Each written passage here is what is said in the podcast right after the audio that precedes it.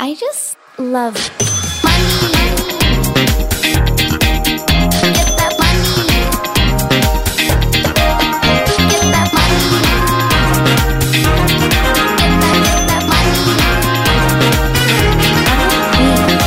God mandag og velkommen til en ny episode av Karrierekvinne podcast. Nå har vi jo vært gjennom eh, ganske mange temaer hittil siden vi starta podcasten i januar, men det er ett tema, et litt mer åpent tema, som jeg lenge har hatt lyst til å ha med, og det er salg. Fordi uansett hvor man jobber, hva man jobber med, så kan det være lurt å ha noen gode salgsteknikker i bakhånd. For hvem er vel bedre til å spørre da enn en salgscoach og bedriftsrådgiver Ulonka Kaupang? Ulonka har 15 års erfaring med salg, hun coacher selgere én til én, men hun har også sitt eget online-kurs og holder foredrag. Hun har bl.a. holdt foredrag for oss på Equal Agencies siste event, og hun har også et videokurs i medlemsportalen vår hvor hun deler sine beste tips og triks. Men det skal hun også gjøre her i dag, i tillegg til å selvfølgelig snakke om sin egen karriere og karrierevei. Velkommen, Ilonka! Tusen takk! Så hyggelig å ha deg her. Stas å være her. Tusen takk for at jeg får komme. Selvfølgelig, Det er første gang vi gjester en podkast, skjønner jeg. Ja, det er det, så det her er veldig veldig spennende. Herregud. Nei, men Det er jo kjempegøy, og det som er så digg nå, at vi kan gjøre alt digitalt. Man kan liksom bare ringe rundt og få med seg Gud og hvermannsen, og det elsker jeg. Og jeg som jeg sa innledningsvis, da, så har jeg jo tenkt lenge på det her med salg, for nå har vi snakka litt med influensere, vi har snakka med noen som driver med network marketing, vi har eh, ja, snakka om bedrifter, om struktur, om altså til og med kjærlighetsråd. Vi har liksom hatt så veldig mye forskjellig inn her. men som jeg sa, da, salg, der er jo du god, og det trenger vi å snakke litt om. Men fortell litt om deg selv og hvordan du havna liksom inn i salgsbransjen. Ja, oi, oi, oi. Hvor lang tid har vi? holdt jeg på å si? Lang. Ja, altså jeg er jo opprinnelig fra Dominikansk republikk i Karibien. Å, det Er, vært eh, nydelig. Ja, du har det? Ja, det er ganske mange. Det er jo sånn typisk eh, feriested i Karibien. Mm. Men for mange av oss som er født der, så er det jo ikke like lukrativt. Så jeg kom jo egentlig Altså, de seks første årene av livet mitt er jo derfra. Jeg ble født der. Um, og familien min er vel egentlig ikke Altså, hva skal jeg si? Vi er ikke de fattigste, men, eh, men vi har vært Sammenligna med Norge, så var det jo ikke så lyst, kan man si. Så jeg eh, eh, husker veldig godt fra da jeg var liten, at vi, vi bodde i et hus som var liksom lagd av litt sånn eh, dårlig treverk, jordgulv. Det var på en måte ganske eh, dårlig kår, da, sånn sett. Um, men moren min, hun eh, Jeg er datter av en fighter, rett og slett. Så hun eh, er litt sånn gründerforbilde. Eh, og havna i en situasjon når hun ble gravid med meg, at hun ble alenemor og måtte egentlig rett og slett velge hva hun skulle gjøre med livet sitt. Da, ung, gravid, alene. Um, så hun valgte meg. hun valgte å få ei lita jente uten å vite hvordan uh, det skulle gå, og hvordan hun skulle gjøre sånn at jeg fikk de beste vilkårene da, for oppvekst. Og det tror jeg drev en sånn Eller fikk henne til å eh, starte bedrifter. Hun starta en liten sånn kiosk lagd av palmeblader. Nei! Og i løpet av noen år så fikk hun det til å bli en, eh, en stor dagligvarebutikk. Og liksom kjøpte en ku, solgte melk. Så der Starten min kommer derfra. At jeg liksom har uh, født Um, av en sterk dame som hele veien har vært et forbilde og ikke gitt seg og overlevd. Um, og fant kjærligheten igjen, gifta seg når jeg var eh, fem år, eh, og så flytta vi til Norge.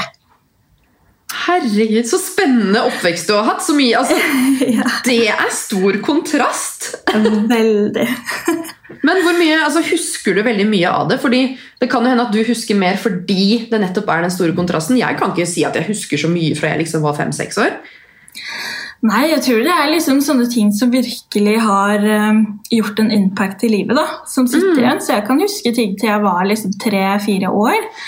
Uh, om hvordan vi hadde det der. Og jeg husker at det var en veldig stor kontrast fra det å komme til Norge, starte på en ny skole, um, lære et helt nytt språk, en helt ny kultur. Så jeg er jo en av de Altså, jeg hører jo eh, Jeg har jo hørt at når du får et barn, så kreves det på en måte en landsby å oppdra det barnet. Eh, og jeg er en sånn unge som er liksom oppdratt av tanter og onkler og Ja. Eh, Åh, ja veldig sånn varm kultur, da. Herregud. Men hvordan føler du at det har prega karrierevalget ditt? Veldig. Jeg tror det har um, Bare det å ha på en måte sett hvordan moren min for eksempel, har vært et kjempeforbilde der i å ikke gi seg når det gjelder det å få å, ha drømmer og kjempe Mm. for dem. Og selv når det stormer mot deg, og selv når det er så mange mennesker som egentlig har dømt at uh, det her går ikke bra, eller du får det ikke til, fortsatt å kjempe for det. og ja, Det har vært veldig, veldig viktig for meg. Eh, og det er noen av de tingene jeg har tatt med meg i oppveksten.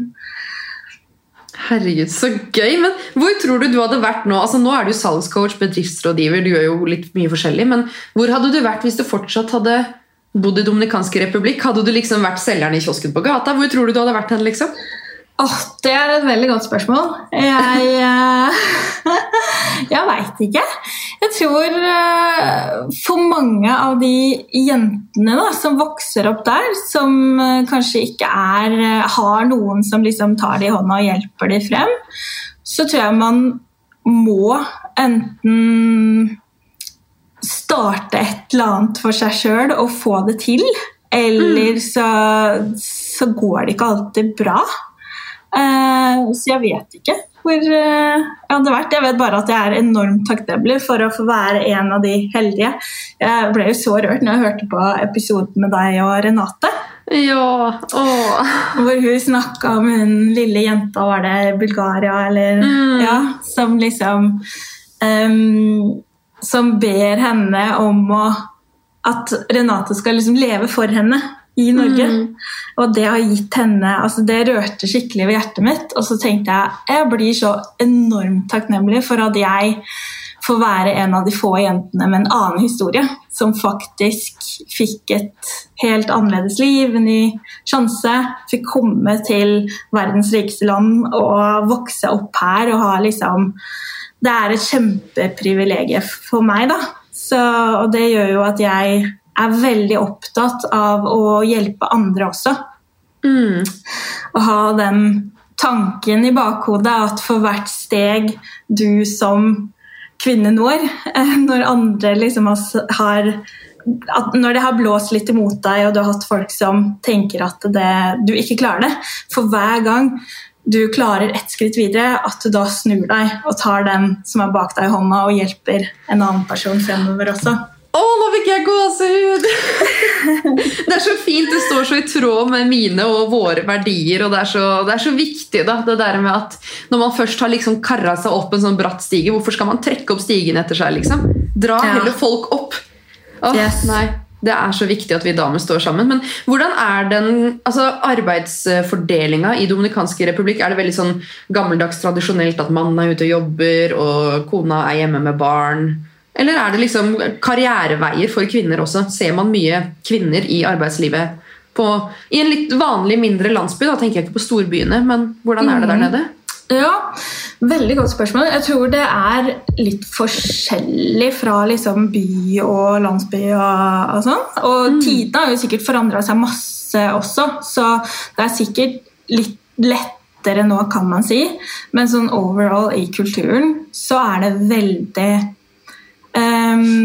Veldig gammeldags, kan man si. Eh, Det er liksom mennene som er eh, oppe og hopper og jobber, og, og du har det som er veldig trist, er jo at mange av de jentene blir jo veldig veldig tidlig mamma. Ja. Eh, og da blir på en måte litt avhengig av at mannen kommer og forsørger.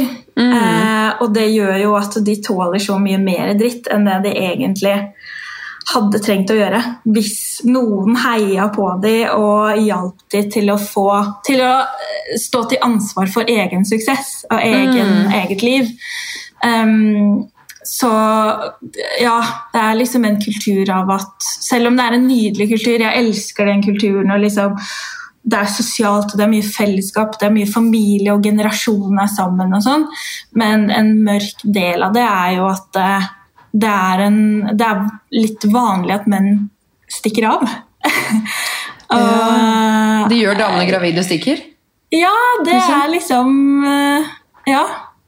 Og det, det er veldig Ja, så jeg, jeg tenker at eh, vi som får det til, da, kan man si. Vi som, eh, som eh, skaper vårt eget yrke og business. Og vi har på en måte et ansvar overfor de andre kvinnene også som ikke gjør det. Som ikke kommer dit. At vi for det første viser at det går an. Eh, Ja. At man, man skal ikke gi opp. Du kan få det til.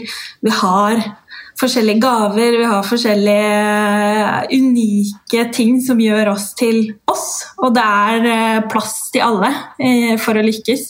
Så jeg tror vi har liksom et eh, Det er viktig å ha det i bakhodet også mens vi går den veien hvor vi eh, lykkes i det vi gjør. At vi ja, er et forbilde for andre også.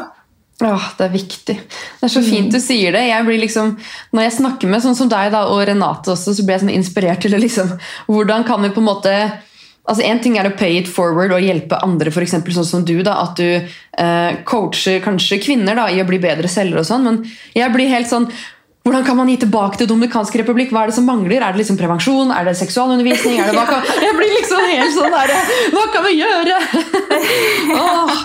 Men eh, det er liksom litt vanskelig å redde verden for to små mennesker. Men herregud, du, det er så fint den innstillingen du har, og du har jo hjulpet veldig mange. Men da lurer jeg litt på Hva er det du syns er så gøy med salg? Åh, det er eh, Altså, hvis jeg, hvis jeg skal ramse opp, så er det jo først og fremst den derre følelsen av å ha klart det. Eh, av den derre rushet med liksom at du får et salg, da. Og så er det for det første verdt mange, mange penger, noe som er fint for bedriften og for deg. Men, men også at du får liksom en bekreftelse på at eh, det jeg gjør, funker. Det produktet jeg selger, det, er, det har en verdi. Eh, Det løser noen andres utfordringer. Um, for meg så er det skikkelig adrenalinkick, i hvert fall hvis det er store dealer som, eh, som jeg har jobba med i mange mange måneder. Og i min bransje hvor jeg jobber eh, til vanlig, da, som er eh, bedriftsrådgiver i strømbransjen.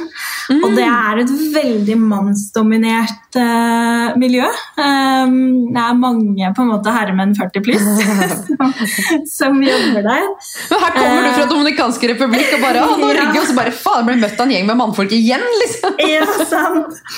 Ja, um, så det å liksom ha ja, altså Med tanke på at de beslutningstakerne jeg snakker med også, de også er jo menn 40 pluss i lederroller, som du skal vinne, da.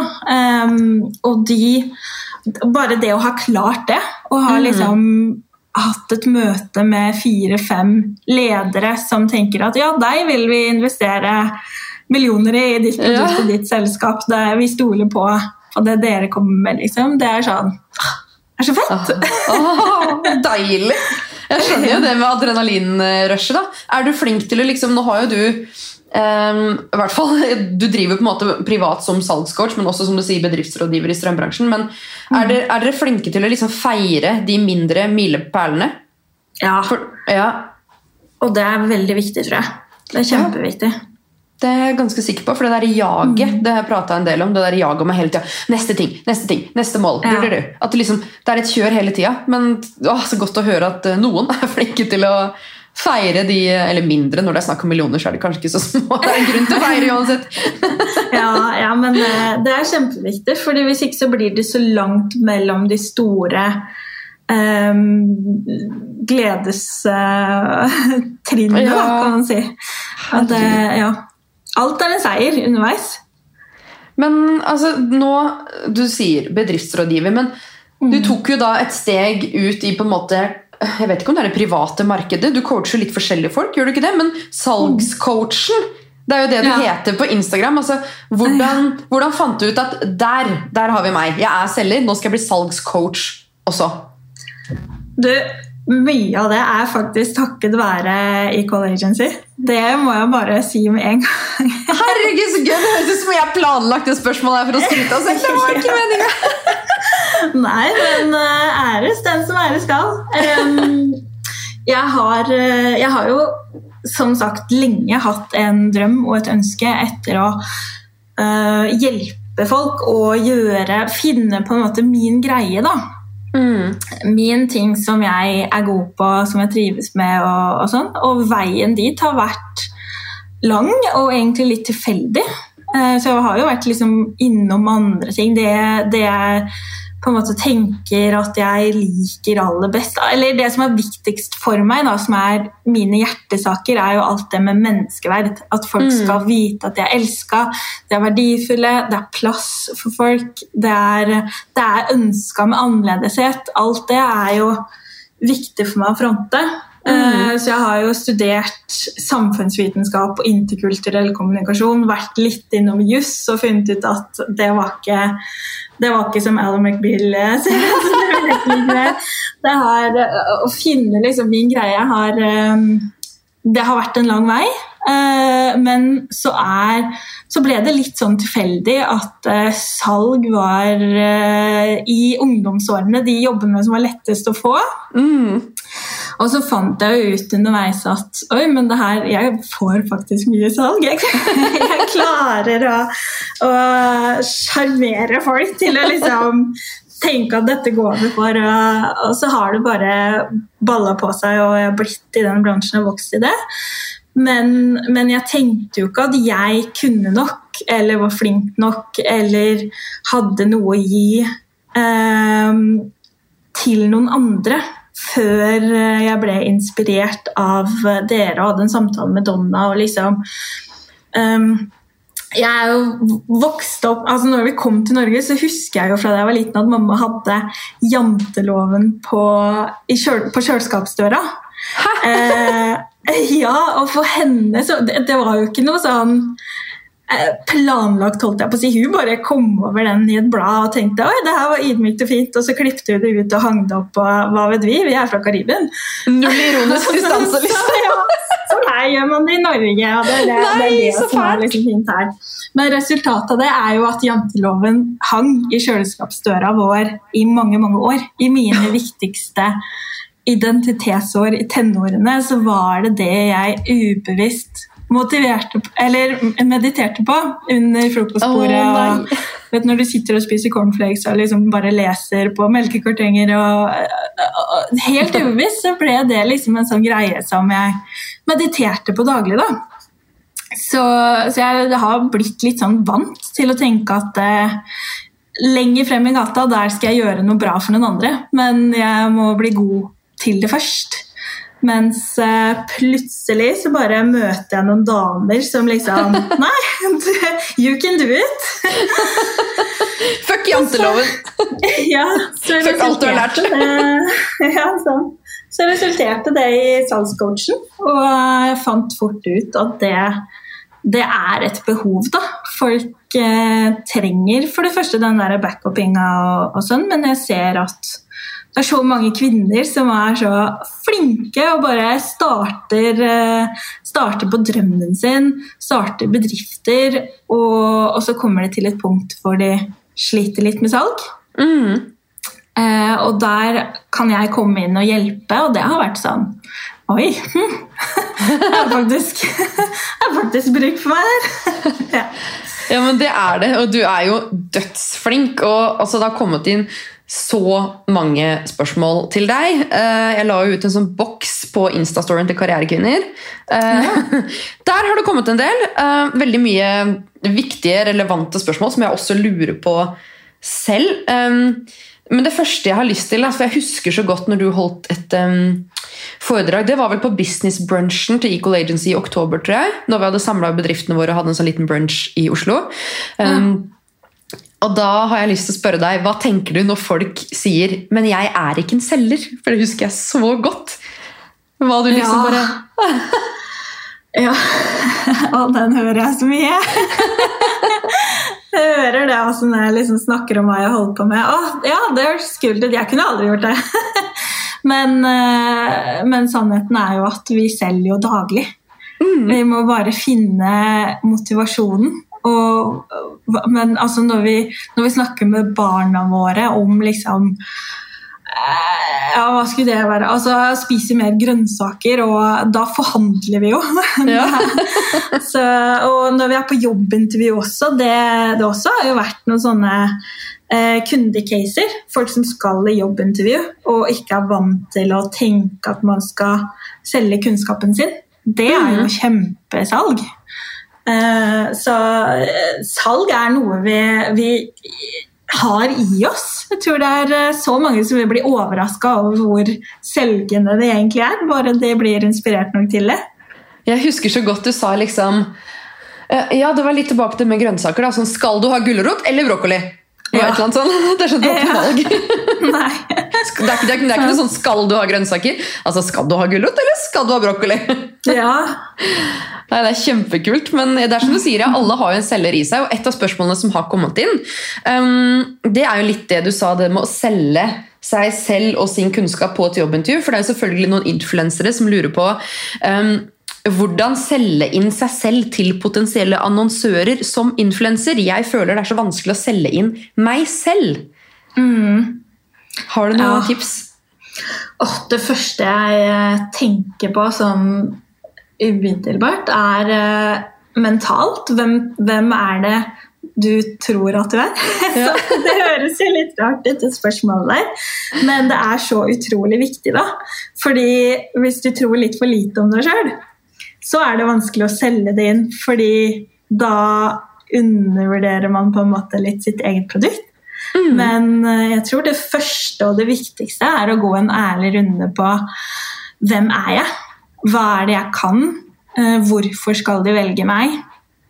Hva er det jeg kan bidra med? Hva er verdien min eh, i den bransjen eller for den bedriften eller for den partneren jeg ønsker å jobbe med?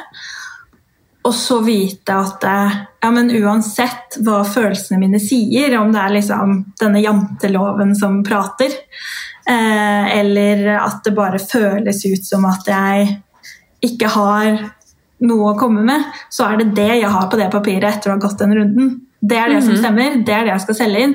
Og det tror jeg gjør det litt lettere og gir oss en litt sånn sterkere ryggrad når vi snakker med samarbeidspartnere, fordi this is my value.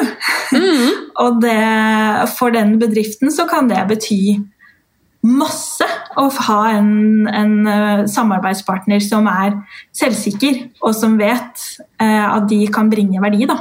Det er jo det de betaler for. Ja, ikke sant? Nei, men Det der er så lurt. Det, der, er- det, det nevner vi jo så mange ganger. Det med å ha et litt ærlig blikk på seg selv. da. Eh, og være flink til å finne ut hva man er god på. Skryte av seg selv. Sier Ja. du som har vokst opp med janteloven på kjøleskapet. ja. Heldigvis uh, kasta fra meg det. Men, men det er så viktig å ha i bakhodet, også med liksom unge jenter eh, som er i den alderen hvor, hvor de liksom finner ut av hvem de er og former identiteten sin. Hva de får av input, og hva de ser.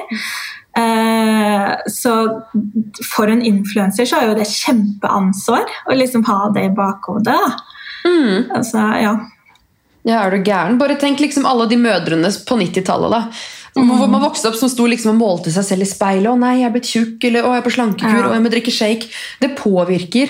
Altså, Det er så mye som påvirker oss. Hvis du ser det nok ganger, hvilket man gjør i sosiale medier, inne på Instagram, spesielt de bedriftene som er gode på markedsføring, ser du en ting nok ganger, så ender du opp med å kjøpe det, da, eller gjøre det, eller bruke det, eller hva enn det skulle vært. Så det er, Ja. eh, det er en eh, stor eh, rolle. Men nå som vi snakker om det, så er det jo også noen som spør om um, hvordan man som influenser kan selge et produkt og få folk til å kjøpe noe du reklamerer for. Litt med troverdighet, kanskje? Jeg vet ikke helt. Hva tenker du? Ja. ja, jeg tenker jo det at det har med troverdighet å gjøre. Og at eh, Jeg tenker i hvert fall som, som følger, da. eh, at ting som influenseren jeg ser opp til, legger ut, da tar jeg det for eh, god fisk. At den personen Det er ikke for å tjene penger, men det er fordi at det faktisk er et produkt som den personen har prøvd, og som har hjulpet, og som kan hjelpe meg også. Eh, og derfor får jeg det anbefalt. Og i lys av det så tjener jo influenseren penger, som er kjempebra. Men eh, men jeg tar det litt for god fisk at det du eh, annonserer, det er noe du står for da, som influenser. Eh, så jeg tror at det der er kjempeviktig å, å annonsere for produkter man kan gå god for. em, og som dekker et behov som jeg som følger eh, har, da. Ja. Det snakka vi jo Vite litt hvem du om snakker til. Ja, ikke sant? Det har vi snakka om før. Det der med å skape et behov, og så dekke det behovet. Enten du selger til en, ja, en følger, eller om du selger inn deg selv til en bedrift. Det er jo Ja. kjempeviktig. Og det du sier da med troverdighet, for du får ikke mange strikes før du mister troverdigheten fra følgerne dine. Det, Nei. Og da er det gjort. Da da, er det gjort. du, får ikke noe, du får ikke noe flere sjanser da. Har du gjort et par feil, så da skal du i hvert fall legge deg paddeflat og pugge janteloven og være superydmyk en lang stund etterpå. Så Ja. nei. Ja, sant. Um, så er det noen som lurer på hvordan selge uten å presse for mye og være innpåsliten. Det, det, det står ikke noe hvilken bransje det er her, men det er vel litt sånn generelt, da. Ja, um, jeg tror eh, at det aller første, da eh, det er Litt tilbake til hvem snakker du til, og vite hvem er det som er Hvem er det du ønsker å snakke til, hvem er det som er drømmekunden din her? Mm. Eller i det du driver med som influenser eller som bedrift. Eh, og så formulere det på en måte som passer til dem. Og Derfor er det viktig å, å tenke at hvis du snakker til mange og det har jo sikkert mange hørt mange, mange ganger, holdt jeg på å si, at hvis du snakker til mange, så snakker du til veldig få. Fordi folk, eh, folk tiltrekkes av det som minner dem om dem selv, og den utfordringen som de har. Eh, og for å få den effekten, så må man på en måte ha orientert seg litt om hvem er det som er min drømmekunde, eh, hvordan formulerer jeg det, og hva slags behov er det jeg ønsker å dekke. For når du har gjort det, så kan det gå ganske langt før det oppleves som mas. Ja. Mens hvis du ikke har tatt den runden i det hele tatt, så, så vil det bli sånn som de telefonselgerne som ringer deg midt i leggetida til barna og egentlig ikke gir tegn til at de bryr seg om hva du gjør, og du får ikke fullføre setninger. Du skal bare, de, de skal selge noe. Og den følelsen er vi litt allergiske for som forbrukere. Um, ja. Ja. Men fungerer telefonsalg fortsatt? Og så skjønner jeg ikke hvorfor sitter de på jobb til klokka ti på kvelden?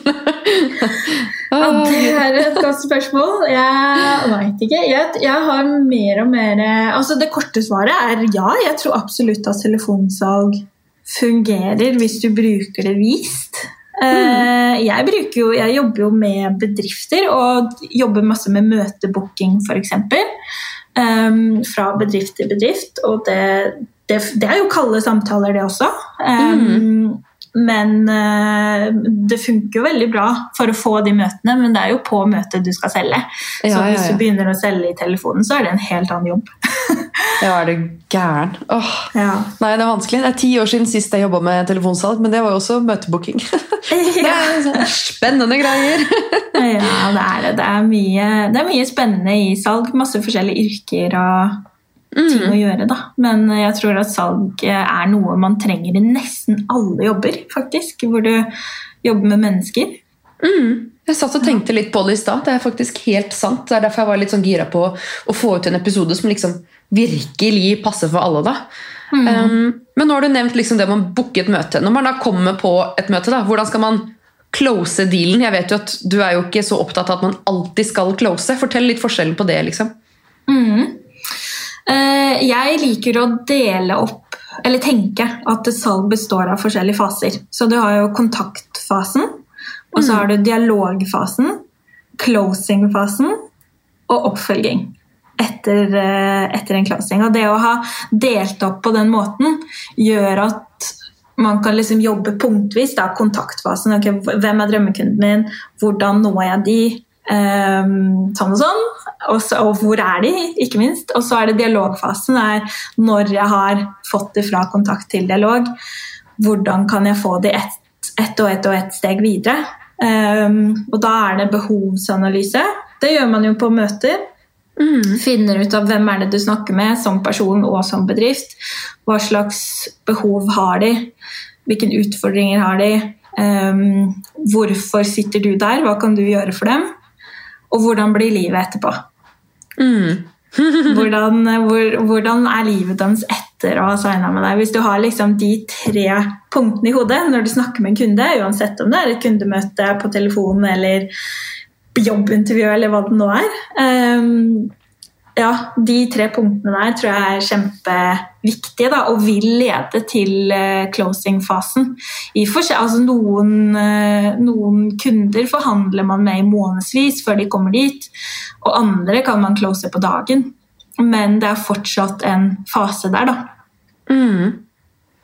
Og etter en closing, da, hvordan eh, tenker du at man skal følge opp en, ja, en kunde, en samarbeidspartner? Hva er viktig i den prosessen? Åh, ja, det er gode spørsmål. Det jeg ser eh, litt for ofte, dessverre, er at vi er kjempegira på å få solgt. Og så får vi liksom endelig gjennom det salget, eh, og får det der adrenalinkicket. Og så daffer det litt av, og da handler det om å på en måte få neste dose. Finne neste kunde, finne, få liksom neste suksesshistorie. Eh, og det som ofte skjer da, er at kundene vi allerede har fått, de glipper litt mellom hendene. De får det de kjøper, og så går de, og så hører vi på en måte ikke noe fra hverandre igjen. Eh, Mm. mens jeg tror det er så mye mer å hente da, ut av en kunde du allerede har fått. Eh, Så oppfølging er eh, kjempeviktig, og gjerne det å liksom ha noen sånne holdninger som, eh, som det å gi det lille ekstra, eh, gjøre at folk får mer Få den følelsen som de betaler for. For til syvende og sist så kjøper vi på følelser. Mm. Eh, Så hvis det føles bra, så er vi villige til å betale mye.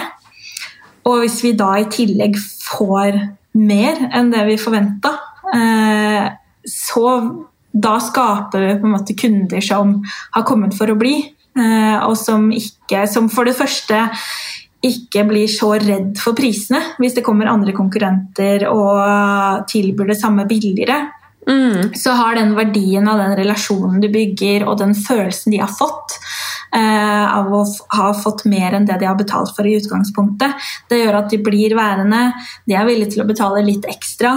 Eh, det blir vanskeligere for konkurrenter å da komme inn og ta de fra deg. Men noe som er kjempe, kjempeviktig, er at de vil bli de største markedsførerne for bedriften din. Ja.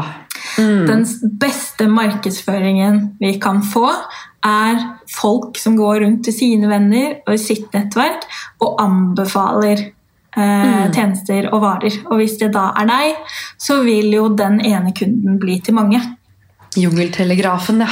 Ja, den er eh, Og det er jo nok en grunn til at jeg eh, har kjempetro på influensemarkedsføring, eh, for eksempel, fordi at du har følgere som er Det er dine følgere, det er folk som liker det du legger ut, og den personen du er. Mm. og de vet at du er en ansvarlig influenser som, som anbefaler ting du kan gå god for. Mm. Eh, Så du har jo på en måte en tilgang til en type eller en større type følgertyper, da, sånn som f.eks. mammaer eller helseentusiaster, eller liksom hva det nå din følgermasse består av. Så har du tilgang på noen folk som har tillit til deg, som bedrifter ikke kommer til å nå på egen hånd. Eh, og det er gull verdt. Så ja. Ja, Det der er så sant, for du kan segmentere i alle mulige retninger med Facebook-ads og TV og radio og hva som helst, men hvis det er en ukjent radiostemme eller en skuespiller som er hyra inn på betaling, så er det liksom Ok, hvorfor skal jeg kjøpe den kaffen fordi George Clooney liker den? på en måte? Har ingenting å si for meg. Ja. Men eh, Nei, men herregud, veldig kult at du sier det. Um, her er noen som spør Jeg lurer på om det er det du på en måte nettopp snakka om, men tips til å sette opp en personlig salgsprosess er det noen som spør om. Er det litt det Ja. du prata om om de stega, eller? Ja, hvis det Altså personlig salgsprosess da, Jeg veit ikke helt hvordan du tolker det spørsmålet, men, eh, men jeg tolker det litt som at hvordan skal du lage en på en måte en oversikt for deg sjøl eller en strategi eller Mm, ja, du det lurer så- jeg også på, så hvis du har noen tips til det. ja. ja, så det For meg så er det i hvert fall ja. ja, for meg så er det i hvert fall det starter med, med å dele opp et salg sånn som jeg snakka om i stad. I Mm. kontaktfase og dialogfase, closing og oppfølging. Og liksom ha, kanskje lage et system for hver, hver fase. Ha et CRM-system som funker.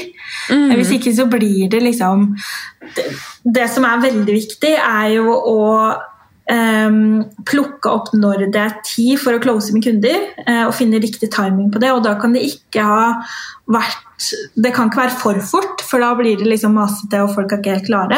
Men hvis du venter litt for lenge også, så blir det jo kaldt. Mm. Og det når du har mange kunder på en gang som du skal følge litt med på, da, så må man ha et system. Eh, så, og da, det, det er jo veldig forskjellig sånn, helt rent praktisk. Noen Mm. bruker Monday til det, andre har liksom forskjellige apper. Jeg har i mange år brukt Excel-ark som jeg liksom farger og legger inn kommentarer på og plotter inn i kalenderen når det er på tide å følge opp hvem og sånn. Mm. Um, så tenke hele tiden at du skal få kundene dine gjennom de fasene. Og så ha litt struktur på hvor er det den kunden er nå, og når er det på tide å ta kontakt igjen, hva skal til for å få de videre. Så um, struktur. Mm. Ja. Mm. Ja. ja, det kunne vi Herregud, det burde vi hatt en hel episode om. Vi hadde jo første episode handla jo litt om struktur og rutiner og bli bedre på livet, rett og slett. Men det kjenner jeg at det kan vi også snakke mer om! Ah, masse. Uff a meg, spesielt nå. altså Én ting er å være selvstendig næringsdrivende, men pandemi, hjemmekontor, det bare flyter overalt, føler jeg. Ja. Og det skjer jo ofte noe med hodet også, når man liksom du står i så mye, da, og det er eh, røde og gule og blå nivåer i barnehager, holdt jeg på å si, og det er liksom Mannen er samtidig hjemme med deg, og det, ja, det, det, er, det har jo blitt en helt annen hverdag. åh, Men, det må eh, ta slutt snart. Ja. ja, men samtidig så har det liksom åpna opp for noen nye sånne altså Man må bare ha funnet en måte å løse ting på og justere seg, da. Så vi blir jo litt sånn tvunget til å lære noe nytt Ja, det i sant. den eh, prosessen her også. pusha ut av komfortsona. Jeg vet ikke helt, jeg er veldig komfortabel i mitt eget hjem. og nå begynner Jeg liksom, jeg har alltid drømt om en hverdag med hjemmekontor, men nå er jeg litt sånn øh. Det endte med at jeg måtte pusse opp hele huset før jeg liksom trivdes her. Ja, man må Men, liksom eh, finne, finne noe som holder deg oppe. Ja, ja, ja. 100 Eh, og her er det noen Det går kanskje litt tilbake igjen til det der med å ikke pushe så fælt, men hvordan lykkes med network marketing? Du hørte jo episoden med Renate, men litt mer fra sånn salgsperspektiv. Da. Hvordan ikke pushe. Altså Network marketing det handler jo litt om å ja, pushe nettverket sitt, men eh, hvordan kan man gjøre det på en eh, ikke så pushy måte? Mm. Eh, altså, først så må jeg jo si at eh, jeg sjøl har jo nærmest ingen erfaring med network marketing, og, men jeg har erfaring som kunde. og, eh, og for meg så har det Det virker som at de som liksom lykkes veldig med det, er de som tenker først og fremst at de ønsker å hjelpe andre. Og, og tenke nettverk. Um, men liksom eh, at Når jeg føler at jeg som kunde blir snakka til som en venn, Mm. og blir eh, Og blir eh, møtt med liksom noen som er interessert i at jeg skal eh, få det bedre, Mm. da blir jeg mye mer interessert i hva de snakker om. Eh, og at hvis de Det går mye mer på relasjon, på en måte. Um, så i salg, da, bare for å gå Nå går jeg kanskje litt sånn i dybden i salg, jeg er litt sånn salgsnerd av meg, men du har to måter, eller to salgspersonligheter, kan man si. Uh, Det er eh, en personlighet som heter hard skills. Og det er typisk den som selger på kunnskap, på eh, markedsutvikling, på liksom, som har Det er den typisk personen som drar opp liksom, tallene og fakta og regnskap og sånn. Og så har du soft skills-selgere, og det er de som selger på relasjon, eh, på vennskap, på 'du kjøper meg'. Ja. Eh, og for meg så har jo det vært min metode hele veien. Men så kommer man til et eh, visst sted hvor man skjønner at hvis jeg, skal, hvis jeg skal komme noe videre herfra nå, så må jeg være en kombinasjon av de to. Mm. Eh, for du når på en måte tak med å bare være én. Sånn at hvis du liksom selger på masse fakta og, og produktkunnskap, så når du jo en viss gjeng. Eh, mens hvis du vil ha flest mulig kunder, som er forskjellige mennesker, en kombinasjon av de to er kjempeviktig. Og det tror jeg er eh, noe å tenke på når man driver og selger gjennom nettverk. Da. At du, du skal både kunne masse om produktet og utfordringene som Det blir jo litt sånn sykepleiere, mange av de som, har, eh, som selger helseprodukter og oljer og sånn. Og du skal jo liksom være et lite apotek, på en måte. Men du skal også kunne ha eh, en interesse for mennesker og vite, virkelig ønske å hjelpe. Og vite at det de kommer først. da. Så jeg tror at når man kombinerer de to salgspersonlighetene, som jeg kaller det, så blir man en gullgruve. Da er det bare et spørsmål om tid. Absolutt. Um, vi snakka som sagt litt med det her med Renate, men det handler jo også om hvilken kunde du møter. Da. Men når det kommer til network marketing, så vet du kanskje Du klarer kanskje til en viss grad å analysere hvem du snakker med. Um, Men sånn som på meg, da, som et eksempel på deg, så fungerer det kanskje med litt mer sånn uh, direktesalg, litt mer den derre Jeg blir prata til som en venn. Mens jeg, jeg er litt mer sånn hvis, du, hvis network marketing skal fungere på meg, så må du nesten være en influenser. Du må ha en sånn superinspirerende profil, du må prate om produktene dine litt sånn innimellom. Det må være litt sånn drypp her og der for den derre Ja. der DM-en som bare Hei, å, du bare oser utstråling, og du er en sånn person som jeg må bonde med. Jeg bare sånn Nei. Ja, sant. Det, men selvfølgelig, det er forskjellige ting som fungerer på forskjellige personer, så jeg tror man bare må føle seg fram litt. Men det er jo også litt sånn med network marketing. Da, at jeg føler liksom at når jeg får en sånn DM, da har det på en måte allerede brent brua med meg. Ja, Og det, det er jo litt sånn kjipt, da. Hvordan skal de ha muligheten til å vinne en sånn kunde tilbake? Det har jeg ikke svar på. Det har sikkert ikke du har svaret på heller. jeg vet ikke. Men eh, Nei, eh, jeg kan ikke si det, men jeg, umiddelbart da, så tenker jeg jo at eh, man, man må jo nesten lære å lese mennesker. Basert på, altså Hvis du jobber kun online, da, eh, så må man eh, øve litt på å utvikle altså det å være menneskekjenner. Ut ifra liksom bilder og videoer og hvem er du? Hva er det som vil funke på deg? Fordi og sånn som å snakke på samme måte til folk, da snakker du til få, men å skrive også Du kan jo ikke på en måte bare skrive en mal og klippe og lime og tro at du skal få et veldig godt resultat av det. Eh, det, det da må du i hvert fall kontakte meg, så jeg kan lære litt mer hva du, du sender ut, for det har ikke funka på meg. Nei, det er sant. Men um ok, her er det et par spørsmål til. Eh, tips for å øke salg og nå ut til folk via markedsføring, og hva en bra annonsetekst bør inneholde. Oi. Ja. Åh, det er spennende. Altså eh, Det første jeg tenker, er snakk med Equal Agency. Takk! Ja, men eh, igjen, da, som setter seg inn i liksom den personen som leser det. Eh, jeg tror, altså, Nok en gang så må jeg liksom minne på den kremtipset med hvem er det du snakker, snakker til, hvem er drømmekunden din, uh, og hva er det den personen Hva er det som gjør at den personen stopper opp i en, en feed? Eller Mhm. når man scroller og leser akkurat det du har å si. Mm. For det er tusenvis av uh, annonser som folk scroller gjennom uh, daglig, liksom. Så, så jeg tror at man må liksom finne ut av det først, og så skrive på en måte som gjør at man fenger det, og så bruke den der oppskriften på hva slags utfordring har den personen. Mm. Hvordan kan jeg hjelpe, og hvordan blir livet etterpå? Mm.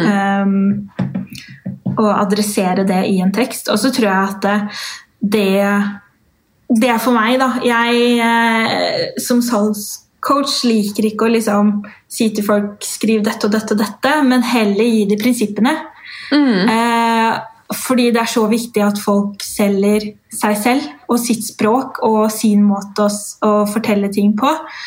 Um, fordi det er jo det kundene dine kjøper. De kjøper jo deg. Ja, ikke sant?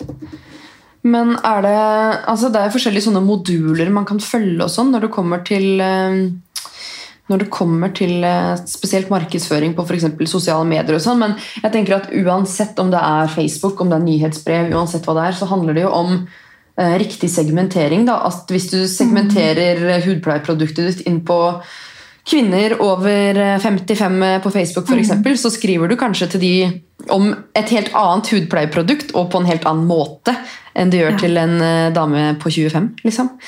Så segmentering og heller kjøre mange annonser samtidig. For mm. sånn som vi i Equal, da, hvis vi har en annonse for et event, så har vi sikkert ti forskjellige segmenteringer, og vi skriver forskjellig til de forskjellige personene. Så det er i hvert fall sånn fra et markedsføringsperspektiv. Da. Nå er jo du kanskje mer selger enn markedsføring, men mm. Det det, du, det du sier også med det å dekke et behov og se for deg hvordan livet kan bli hvis du går på det eventet, kjøper den kremen.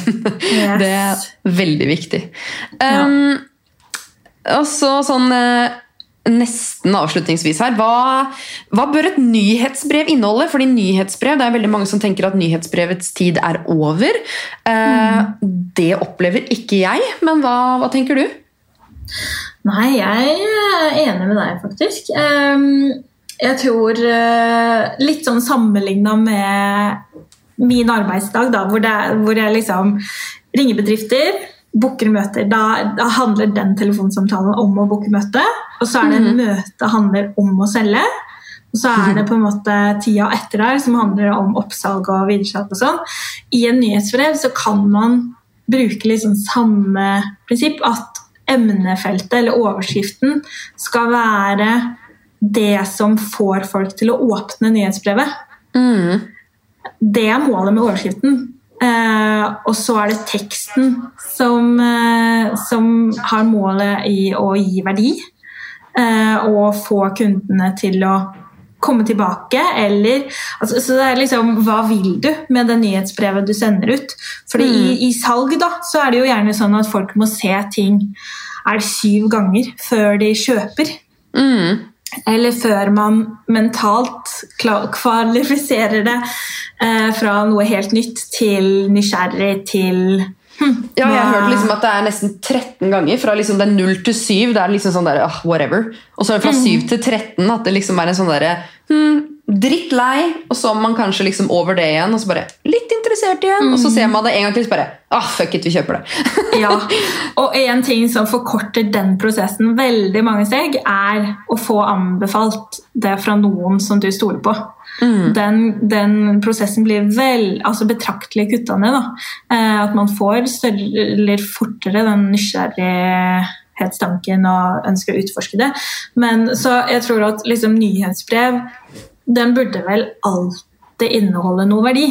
Det, det burde alltid være en grunn for at kunden din skal åpne det brevet. Eh, så hvis du sender ut for å sende ut eller i håp om at eh, ingen skal glemme deg, så tror jeg at det har virker litt sånn mot sin hensikt. Mm. Så alltid inneholder verdi, og eh, kanskje en call to action. Liksom hva Les mer på hjemmesida mm. di, eller liksom en eller annen liten ting. Da. Eh, og at ikke alle skal være 'kjøp dette', Mm. for da blir det litt mast igjen.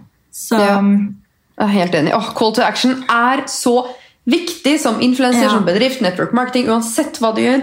Alltid Mm. en eller annen sånn handlingsknapp, eller et spørsmål som folk bør svare på, eller yes. et eller annet. da. Åh, det er så viktig, og det er så mange som glemmer det. En, ja, det er sant. Og det, det er faktisk en av mine sånne små, men viktige tips. Mm. er når man utveksler mail med kunder eller fremtidige samarbeidspartnere eller en eller annen som du er i dialogfase med, og som du ønsker å få til closing. Eh, om det er å skulle booke et møte eller et eller annet sånt. Alltid avslutt mailen med et spørsmål. Ja. Fordi da holder du den dialogen, og da vil det komme tilbake. Altså Så klart innenfor uh, at ikke det blir masta og, og ut av sammenheng og sånn, men, men et oppfølgingsspørsmål gjør at de ikke bare leser og legger det bort. Eller tenker Mm. liksom ja, dette var bra, jeg skal svare på det senere, og så blir det sånn som det ofte blir med meldinger, liksom, at du bare glemmer det. Mm. Men, eh, men avslutte med et spørsmål eller et konkret tidspunkt for møte f.eks. Det gjør at folk kommer tilbake da, med et svar. Og at du da på bakgrunn av det svaret kan prøve å tyde hva betyr dette. Er det noe closing-språk her? Mm. Eh, og det, det Øvelse gjør mester i det, men, eh, men jeg tror det er veldig mye gull da, å hente i å ikke, ikke la kunden bli kald. Eh, og ikke la ballen i forhold til dialog være på deres side av bordet. For da har du ikke kontroll som selger. Nei, ikke sant? Så hvis noen Godt avlyser et møte med deg, da er det full forståelse for det. Eh, Så klart kan vi ta møtet en annen gang. Passer det neste uke klokka tolv? Altså liksom Ja. ha en sånn Ikke sånn der, kom tilbake med meg med tidspunkt som passer for deg. Mm. Ja, ja, nei, det, det, det blir kaldt. Ja. Ofte. ja. Men ok, nå har vi jo gått gjennom ganske mye her, men er det, noe, er det noen salgstriks du føler at vi liksom ikke har vært innom, som du sitter på og bare tenker, det her må folk vite? Um, altså, jeg kunne jo skrevet en hel bok om dette her. Kanskje du skal gjøre det? Men, ja, jeg tror uh, Altså, det, det derre ene viktige tipset da, som jeg tenker er kjempeviktig uansett, er det med å selge resultat og ikke produkt. Og jeg, jeg sier det jo tusen ganger, så, men jeg får liksom ikke sagt det nok. Fordi vi har så lett for å tenke at dette her handler om meg, og Mm. at jeg skal få salg. Mens det er jo bare en bonus. Det det Mm. egentlig handler om, er kunden din, og hva du kan gjøre for kunden din. Eh, Det er kjempeviktig.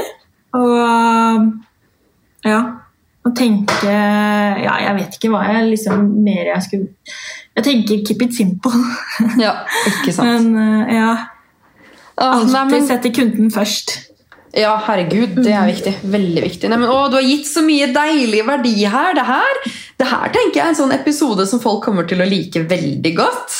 Så Eh, men bra. Da lurer jeg jo på, da, hvor går veien videre for salgscoachen?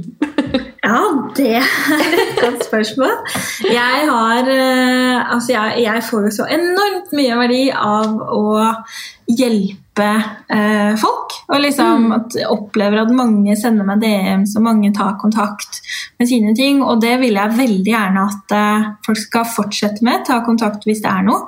Eh, men salgscoachene er liksom Det er en sånn hjertebedrift som jeg bygger opp eh, sakte, men sikkert. Eh, så veien videre for salgscoachen er at jeg skal jeg ønsker å vokse enda mer og tilegne meg enda mer kunnskap og, som jeg kan gi videre. Sånn at folk slipper å ha hatt en telefonsalgsjobb når de var 16 og liksom gått den der lange karrieregreia innenfor salg, men at de kan få erfaringer på godt og vondt som de kan ta med seg allerede nå. Um, og, og gi det i form av uh, online-kurs etter hvert, i form av liksom e-bøker, et eller annet som jeg eh, ønsker Ja, jeg tror hjertet mitt i det er å gi mest mulig verdi um, sånn litt og litt. Ja. Spennende.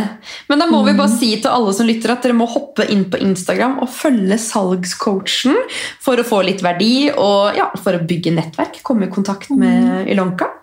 Tusen takk for at du var med i Karrierekvinner-podkast, Ilonka. En ære å ha deg her. Du er så dyktig. Tusen hjertelig takk. Takk for at jeg fikk komme. Jeg henger heier skikkelig på dere. Å, så hyggelig. Det gjør vi på deg også. Og til deg som lytter, vi er jo tilbake igjen neste mandag. Men frem til da så må du gjerne hoppe inn og følge salgscoachen, karrierekvinner, Equal Agency og meg, Bendikte Haugård.no. Det er den samme regla hver gang. Dere er sikkert lei av å høre det nå, men god mandag. Ta med deg tipsene videre ut i uka, ut i arbeidslivet, ut i alt du gjør. Og så snakkes vi neste uke. Ha det bra! I just love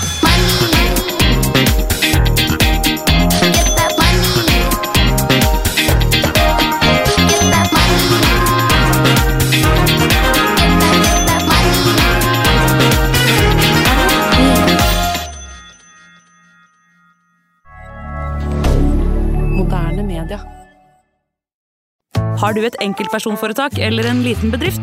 Da er du sikkert lei av å høre meg snakke om hvor enkelt det er med kvitteringer og bilag i fiken, så vi eh, gir oss her, vi. Fordi vi liker enkelt. Fiken superenkelt regnskap.